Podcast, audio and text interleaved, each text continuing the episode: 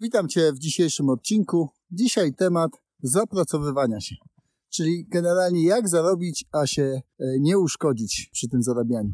Więc może pierwsza informacja, taki typowy schemat, który ja widzę. No na początku drogi swojej tego administratora oczywiście człowiek niewiele wie. Jest tam po studiach albo nie jest, dostaje jakieś zadanie do wykonania, ogarnięcia jakiejś firmy w zakresie sieciowym, serwerowym, backupu, AB, różne to są obszary, najczęściej wiele jest z nich. No i próbuje się w tym jakoś odnaleźć. Szuka sobie informacji w necie, pyta znajomych, patrzy na Facebooka, na internet, na blogi, edukuje się. No i wiadomo, na tym etapie w zasadzie no każdy w swoim tempie sobie tą wiedzę przyswaja. Natomiast jak już e, tą wiedzę w miarę przyswoi, już ma poczucie, że coś wie, to zaczyna się rozglądać, gdzie by tu sobie można jeszcze tą wiedzę wykorzystać i zarobić dodatkowo. Czyli jest najczęściej na jakimś etacie w jednej czy w drugiej firmie, albo w dwóch czasem, na jakieś części etatu, na jakieś zlecenia, różne formy, ale generalnie zaczynają się pojawiać dodatkowe możliwości, czyli wykorzystywanie tej swojej wiedzy w różnych miejscach. No i to jest spoko, przynajmniej przez pewien czas, bo potem takie osoby często dochodzą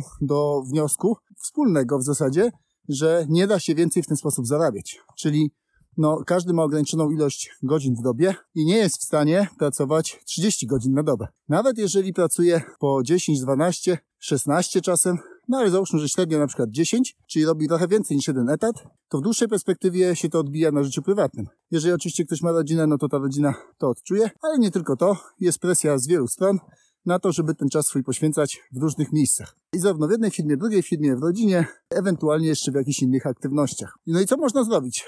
No, wniosek jest taki, że jak już się ma tą swoją wiedzę, to jedyna możliwość jest taka, żeby szukać sposobu, który się skaluje.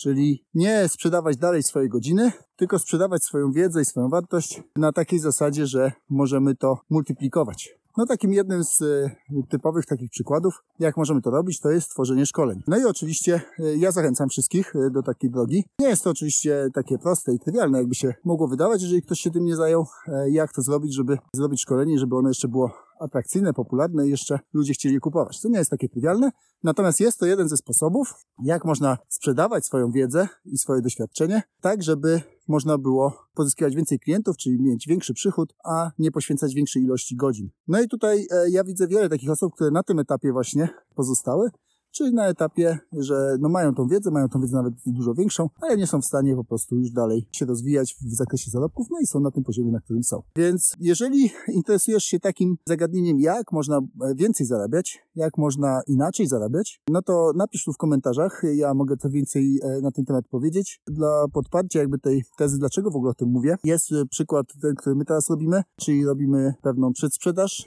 kursu dla administratorów w zakresie takim bardzo podstawowym, czyli ale dla osób już doświadczonych, czyli takim konfiguracji AD, konfiguracji backupów, konfiguracji sieci, takich niezbędnych rzeczy, które są potrzebne do tego, żeby sobie ogarnąć daną strukturę, tak żeby się nie narobić. Tutaj chciałem poruszyć jeszcze jeden element. Jeżeli chodzi o zmniejszanie swojego obciążenia, to tutaj też można sobie optymalizować pewne rzeczy, czyli nawet jeżeli mamy tę jedną firmę na, główną na etacie, mamy tutaj e, sobie te zlecenia albo jakąś inną część etatu i byśmy chcieli sobie więcej zarobić, no to przede wszystkim musimy zwolnić swój czas. Jak to zrobić? Przede wszystkim trzeba się zastanowić, co możemy w swoim sposobie działania obecnie zautomatyzować. Czyli, krótko mówiąc, nawet jeżeli jesteśmy gdzieś i poświęcamy swój czas i nawet musimy być w danej firmie ileś godzin, to ilość godzin nie jest równoznaczna z ilością energii, którą musimy poświęcić. Jeżeli nawet musimy w danym miejscu siedzieć 8 godzin, ale będzie ta praca lżejsza dla nas, bardziej zautomatyzowana, bardziej monitorowana, to będziemy mieli łatwiej. No i tutaj przykład taki pierwszy z brzegu, jak jestem e, teraz w górach i jest sytuacja jakaś kryzysowa. Ktoś zabłądzi, jest nieprzygotowany, nie ubrał się właściwie, zaczynają mu odmazać kończyny, to jest sytuacja awaryjna i on nie może już nic z tym zrobić.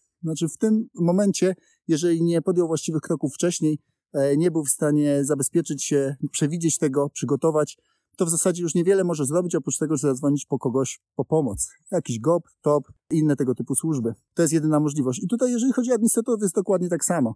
Czyli jeżeli ktoś sobie przygotuje procedury awaryjne, na przykład na przypadek, że będzie trzeba przywrócić backup i ten backup testował, wie jak go przywrócić, robił to tam przynajmniej raz w roku, ma wszystko opanowane, to ma tą ewentualność w kieszeni.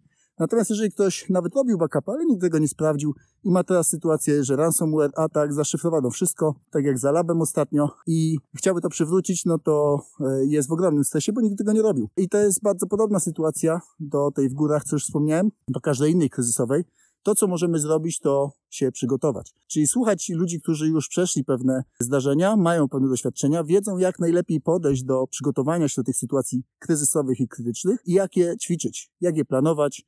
I dzięki temu jesteśmy przygotowani. To jest tak samo jak strażak ćwiczy swoje czynności e, przed akcją, jak on ma e, pomagać komuś w rozbitym samochodzie, jak ma wchodzić do płonącego budynku. Różne elementy muszą być wyćwiczone, bo jak on w takiej sytuacji kryzysowej, stresowej stanie i nie ma tego treningu, to jest zagrożony. Sam jest zagrożeniem dla siebie i dla innych. I tutaj nie jest tak bardzo inaczej z administracją e, jakimikolwiek innymi systemami, z tą może różnicą, że nie życie zależy, najczęściej przynajmniej, nie życie zależy od takich akcji. No jeżeli ktoś pracuje w służbie zdrowia, ma tam pod sobą jakieś systemy krytyczne, medyczne, no to tutaj życie może kogoś zależeć od takich akcji. No więc tym bardziej jest to krytyczne. Ale większość nas e, nie pracuje na zasadzie administracji elementami, które są, e, czy uzależniają życie człowieka. To jest to, co ja widzę i czym się mogę z Tobą podzielić. Jeżeli chciałbyś więcej się na ten temat dowiedzieć, to oczywiście pisz w komentarzu. Ja mogę więcej e, na temat tych doświadczeń, które widzę u różnych klientów, różnych partnerów, różnych znajomych tutaj omówić. Mogę niektórych zaprosić też, więc mów, jeżeli to Cię interesuje i widzimy się, słyszymy w kolejnym odcinku.